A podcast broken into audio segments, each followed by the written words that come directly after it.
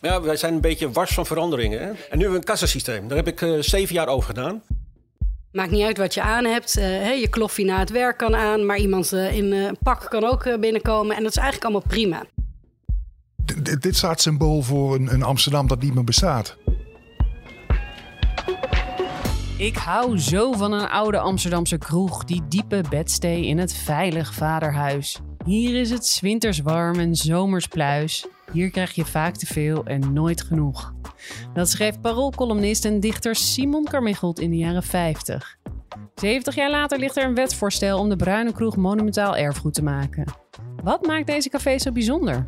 En hebben ze toekomst in een snel veranderende stad? In Amsterdam Wereldstad, een podcast van het Parool, bespreken we een Amsterdams fenomeen en geven we antwoord op de vraag: hoe zit het eigenlijk? Mijn naam is Lorianne Vergelder. Welkom. Fijn dat je weer luistert naar Amsterdam Wereldstad. En normaal zitten we op de redactie en tussen de computers op in een vergaderzaal. Maar eh, we zitten nu in de Engelse Reet, een café. Eh, want we gaan het hebben over bruine kroegen. En waar kun je dat beter doen dan vanuit een café zelf? En ik doe dat niet alleen. Ook aangeschoven aan deze kenmerkende bruine tafel zijn Hans van der Beek, paroolverslaggever. Welkom Hans. Dankjewel. Fijn dat je hier ook eh, bij zit. Je op, op de achtergrond horen we ook wel een beetje geroezemoes. Want eh, we nemen op om 12 uur eh, 's middags op. Maar eh, er zitten al mensen in de kroeg. Eh, en jij bent ook co-auteur van het kroegenboek aan de Amsterdamse Nachten. Eh, dat ging ook over kroegen. Nou ja, ruim tien jaar oud alweer. Ehm, en je bent een groot liefhebber van de- dit type kroeg. Daar is Als- alles mee begonnen. Precies, ja. ja. Je moet toch vanuit je liefhebberij Ja. eh, je, je werk bedrijven. Maar goed, eh, Lian Heinhuis is ook te gast. Welkom Lian. Ja, dank je. Jij bent het eh, PvdA-raadslid dat een initiatiefvoorstel heeft ingediend om eh, de bruine kroeg een beschermde status te geven. Ja, En eh, nou ja, daar wil ik alles over horen. Laten we eerst eventjes beginnen met waar het ooit allemaal begon. En, en, en laten we ook eventjes hier een beetje om ons heen kijken. Hans, wa- wat, wat is dit eigenlijk voor plek? We noemen het de Engelse Reet. Officieel heet de Pilsener Club. Ja, maar het is, eh, de, de bijnaam was de Engelse reet. Dat komt omdat een reet, dat is oud-Nederlands voor een, eh, een kier, een smalle doorgang. En, en we zitten hier bij de Engelse kerk, bij het Begijnenhof. Ja, Eh, zo dus- tussen de Kalverstraat en het Begijnhof in Het zitten. is een heel raar plekje, want je zit er langs, die- langs een koopgoot in, eh, in Nederland, hè, waar wat bijna niks meer met Oud-Amsterdam te maken heeft. Ja, Maar dan is een heel klein zijstraatje en dan ook nog eens een heel klein deurtje. Dan stap je ja, een vaal, donker hok binnen waar je stapt echt honderd jaar geleden tijd eh, Ja, terug. ja, Ze hebben ook een, uiterste best gedaan om, om niet te veranderen in al die jaren. Ja. En dat is, dat is uitstekend gelukt. Ja, er zit nog een gat in de muur. De, de, de verf bladdert af. Nee, Dus dat is geen verf, dat is, dat is pure nicotine. Oh, dat is pure nicotine. Dit is, dit is decennia lang eh, nicotine. Als, Oh, je, als je die schilderijen opzij schuift, Ja? dan zie je een oud... Kijk, Teun, die gaat het nou Ja, doen. Teun, dan zie je nog de oorspronkelijke kleur. Oh, en daaroverheen. Er zal ook nooit meer één spat verf over die muren heen gaan. Want je krijgt het nooit meer zo mooi doorleefd als, eh, als, Ja, eh, als een sigaret. Ja, nee, dit kun je niet kopen in een, eh een, een interieurgroothandel. Dat, Nee. is, eh, dat is duidelijk. En hier eh, gewoon op de, de kaart hebben ze graanjenever, roggenaar, brandewijn. Nou ja, een hoop van de tap. We geen ingewikkelde kombucha en havermelk. En eh, nou ja, goed. Komen, komen. Precies, komen we straks nog op terug. Maar goed, de reden dat we hier zitten is dat deze plek is uitgeroepen tot de beste bruine kroeg van Amsterdam. Ja, waar- waarom hebben ze gewonnen? Wij hebben die, die eh, wedstrijd als parool georganiseerd. Ja. Naar aanleiding van het initiatiefvoorstel van Lian. Ja.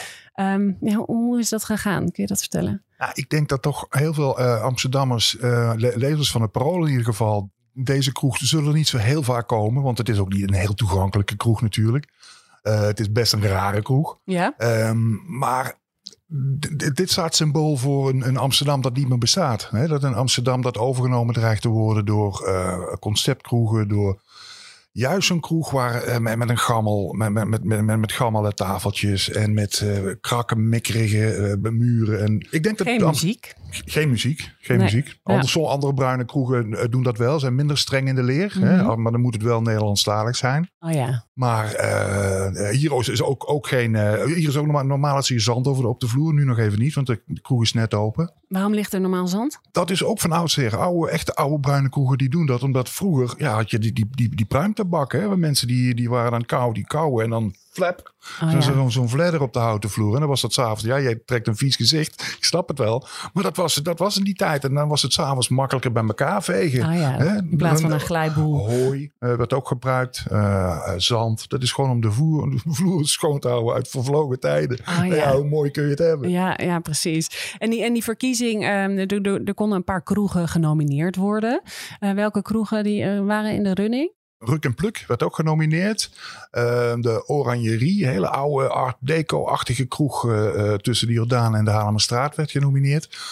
Eh, het monumentje, Westerwesterstraat, ook hartstikke leuk. Eh, klassiek, eh, oude mannen aan, een- aan een vaste plek in de bar. eh, de natuurlijke, eh, de, sorry, de tapijtjes op de, alles, heel klassiek.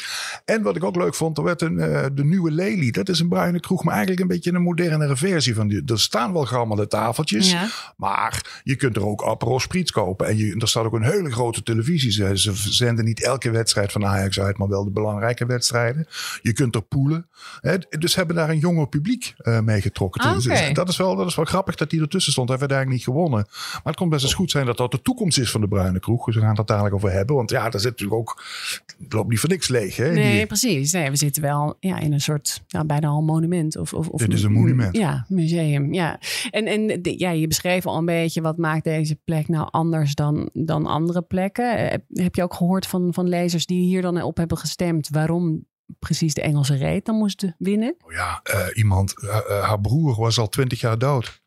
En ze, ze, ze kwam hier nog eens en eh, niet zo lang geleden. En ze vertelde aan de ober eh, over haar broer. En hij wist ook precies wat hij bestelde altijd. Je kunt het niet beter samenvatten dan dat. Ja, het was eigenlijk gewoon een soort familieplek of een... een Mensen die Ja. hier komen. En, en zeker, zeker hier heb je iemand die, die, die staat achter de bar. Ook een klassiek wit overhemd. Dat is Ja. ook niet meer overhemd. Maar dat is, dat, dat is ook een van de kenmerken.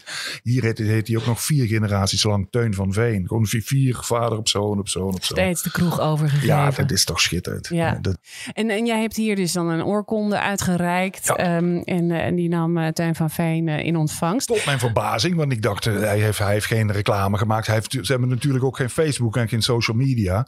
Maar het bleek dat Dennis, die hier ook al tien jaar werkt, die had een paar studentenverenigingen ingezeind. Die hebben hier ook een vaste dispuutavond. Ja. Ook al honderd jaar, hè? Eén dispuut wat hier al honderd jaar de, Ah, de ja. eigen dispuutavond heeft. En Dennis had gezegd, als jullie, niet, als jullie niet op ons stemmen, dan krijgen jullie geen bier meer. Dat zal allicht geholpen hebben.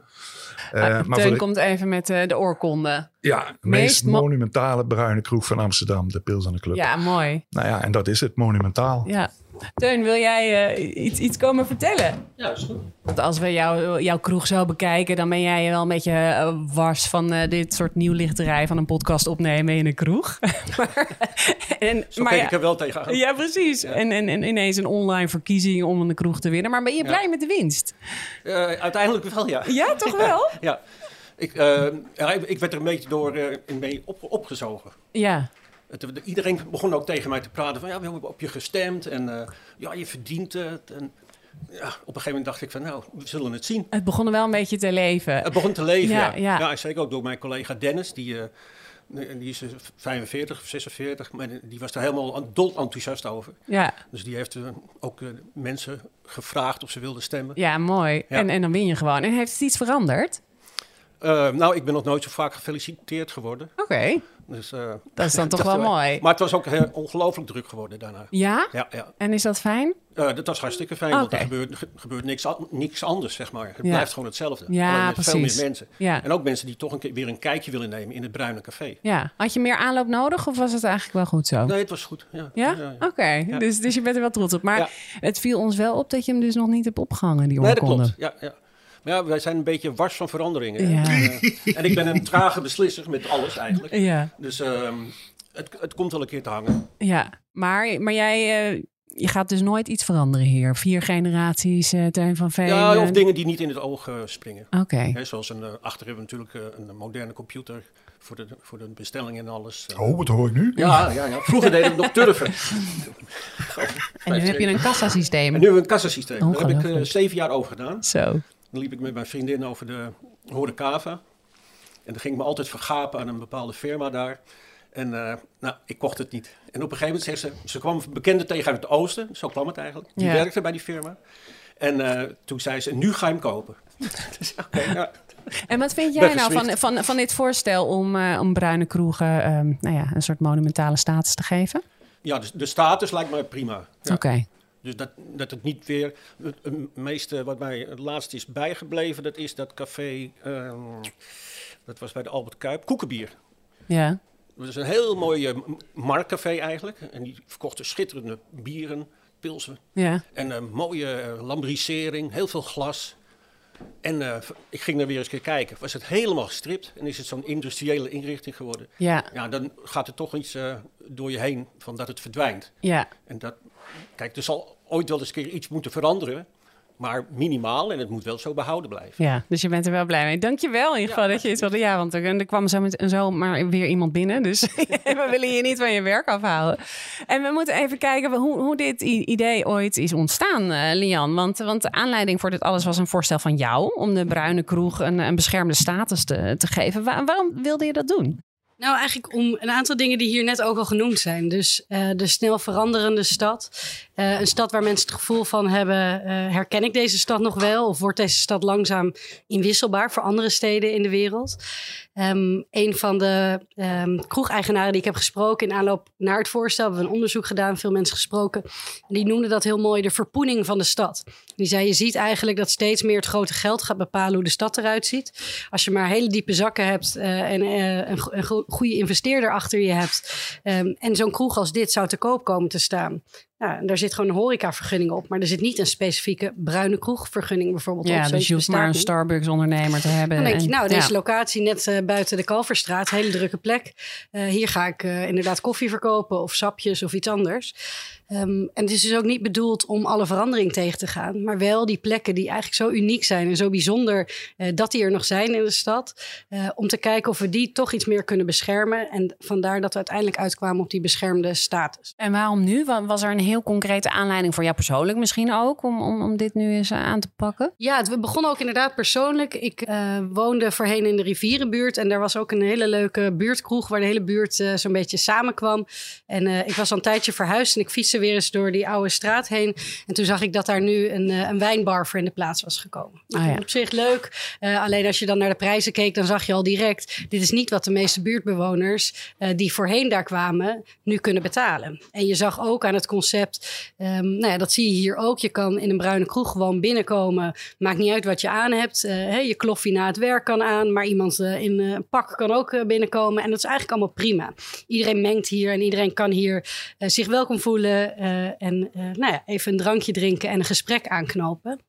En wat je ziet in veel van die nieuwere concepten is dat die toch wat minder toegankelijk zijn en ook vaak minder betaalbaar. En Ja. dat vind ik heel zonde, want nou, Amsterdam is al een stad die steeds duurder wordt. Eh, en er zijn heel veel Amsterdammers die daardoor het gevoel hebben: ja, kan ik hier nog wel blijven?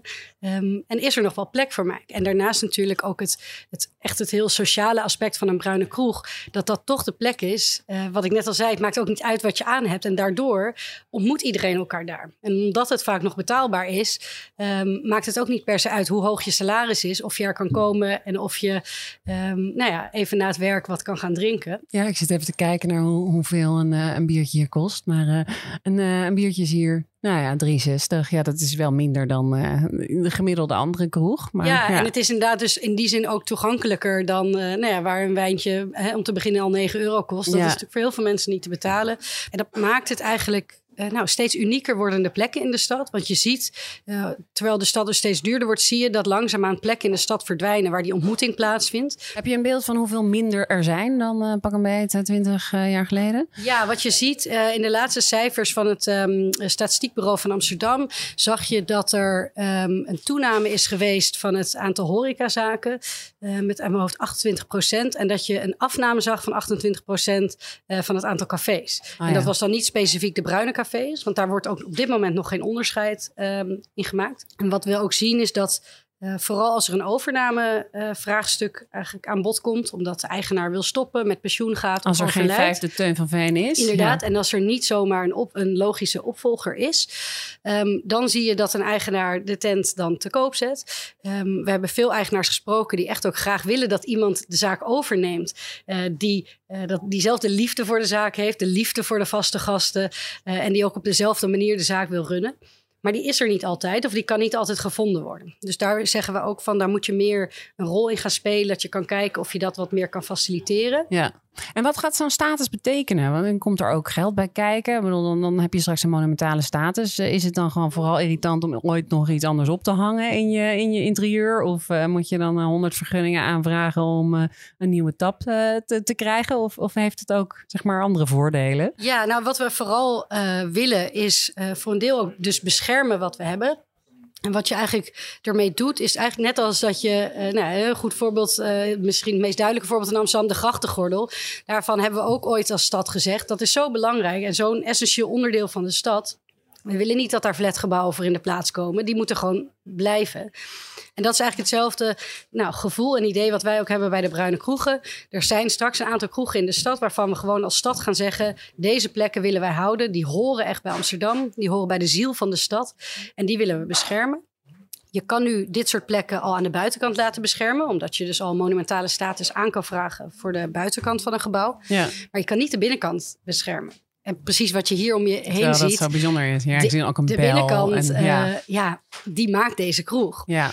Maar dat is, als ik even mag inbreken, dat is ook een, een tegenargument voor dit, vind ik natuurlijk, uitstekende plan. Maar dat er kasteleins zijn die, die inderdaad geen vijfde teun van veen hebben. Die inderdaad eh, eh, het, het graag willen verkopen. En als nou die grote investeerder anderhalve ton meer biedt hè, dan die liefhebber. Bijvoorbeeld die jongen die bij hem achter de bar staat. En die de, tent heel graag wil overnemen met diezelfde vaste klanten.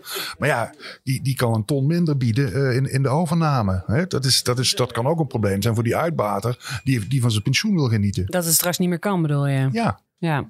Ja, nou, en dat is ook zeker iets wat wij terug hebben gehoord in het onderzoek. Ehm, maar de, het interessante is vaak als je dan doorvraagt aan zo'n uitbater, dan is, zie je toch vaak dat de ziel van die kroeg beschermen en zorgen. eh, want je ziet ook vaak dat, dat is ook het mooie van bruine kroegen. Mensen geven echt om de gasten, ze kennen ze bij naam, eh, ze weten wie er komen, ze letten ook op, op, mensen letten ook nog echt op elkaar in de bruine kroeg. Eh, talloze verhalen van oudere bewoners in de buurt die hun sleutels bijvoorbeeld achter de bar hebben liggen, omdat de kastelein dan een beetje oplet. En als die een keer de sleutels zijn vergeten, dan weet je, dan kan ik daar terecht. Ehm, en je ziet dus eigenlijk dat die uitbaters, zelfs als ze in eerste instantie een beetje kritisch zijn, van ja, kan ik dan wel de hoofdprijs krijgen? Er is een risico inderdaad dat je niet de hoofdprijs kan krijgen. Alleen wij vinden dat wel een aanvaardbaar risico, omdat je daarmee iets beschermt dat voor de hele stad belangrijk is. En het interessante is dus dat vaak die uitbaters die met zoveel liefde zo'n kroeg runnen, dat zelf stiekem vaak ook wel een aanvaardbaar risico vinden. Eh, Maar er en- zijn ook kroegbazen die zeggen van ja, ik wil, ik wil geen museumpje uitbaten. Dat is natuurlijk ook het risico dat je krijgt met zo'n zo'n monumentale status. Ja, dat klopt. En daar moet je dus ook goed naar kijken. Van wat is het eh, effect? Wat ga je beschermen en wat niet? Ehm, tegelijkertijd zie je natuurlijk dat heel veel monumenten... en dat is ook nog een, een antwoord op de vraag... ga je er minder voor krijgen? De meeste monumenten, ik bedoel een grachtenpand...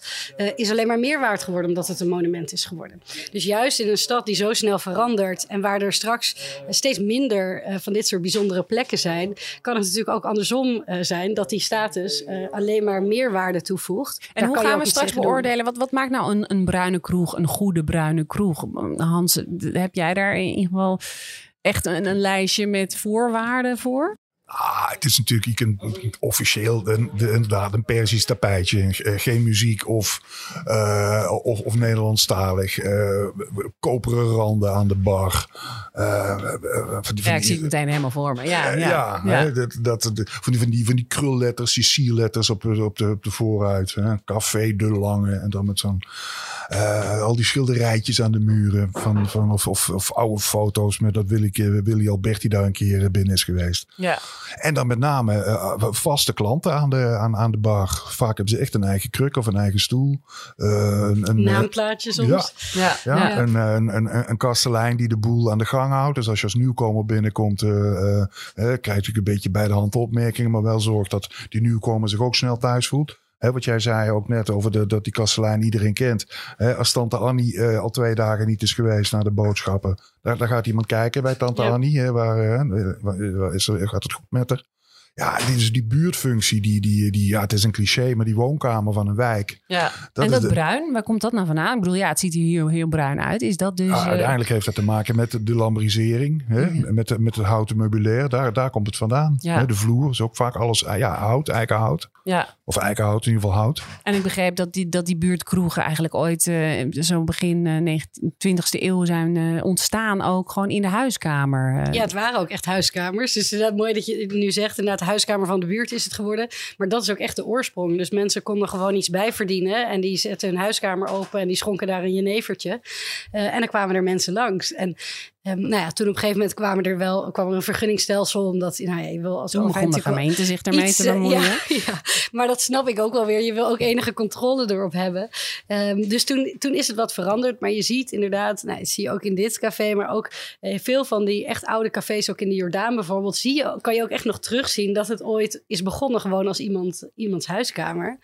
Ehm, en dat is wat ik zelf zo bijzonder vind, is dat het door al die jaren heen, in sommige kroegen, ehm, de oudste kroeg van Amsterdam, ehm, is al honderden jaren oud. Maar er zijn ook echt talloze kroegen die zeker 100 jaar oud zijn.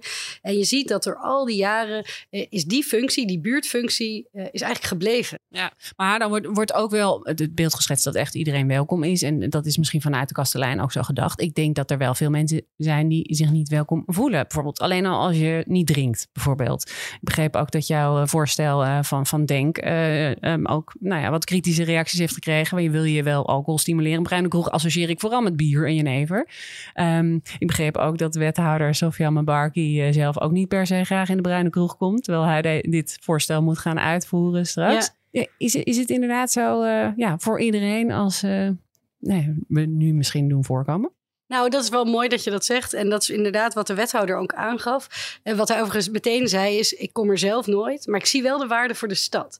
En dat soort plekken heb je natuurlijk meer. Ehm, plekken waarvan we wel weten, die moet je echt beschermen. Die wil je gewoon behouden. Ook al kom ik er zelf misschien nooit. eh, ik zie wel het belang. Denk heeft uiteindelijk ook voor het voorstel gestemd. Maar ik snap ook wel de kritiek. Je wil natuurlijk niet eh, overkomen dat je enorm alcoholgebruik aan het promoten bent. Ik moet eerlijk bekennen, zelf lust ik geen bier. Dus als ik in een bruine kroeg ben, drink ik nooit bier. En alsnog kom ik graag in de bruine kroeg. En dat is ook wel het antwoord wat ik toen aan Denk gaf. ehm, toen zij mij deze vraag stelde. Eh, het hoeft natuurlijk niet zo te zijn dat je alleen maar in een kroeg komt om te drinken. En het is ook niet wat voor mij de belangrijkste functie is. Ik bedoel, drinken kan je ook in je huiskamer als je alleen echt eh, voor de alcohol komt. Maar je gaat natuurlijk naar een bruine kroeg omdat je ook in gesprek wil met mensen. En eh, nou, wat ik ook mooi vond, eh, toen deze vraag in de gemeenteraad aan de orde kwam, werd ik ook direct bij, bijgestaan door eh, Remine Alberts van de SP.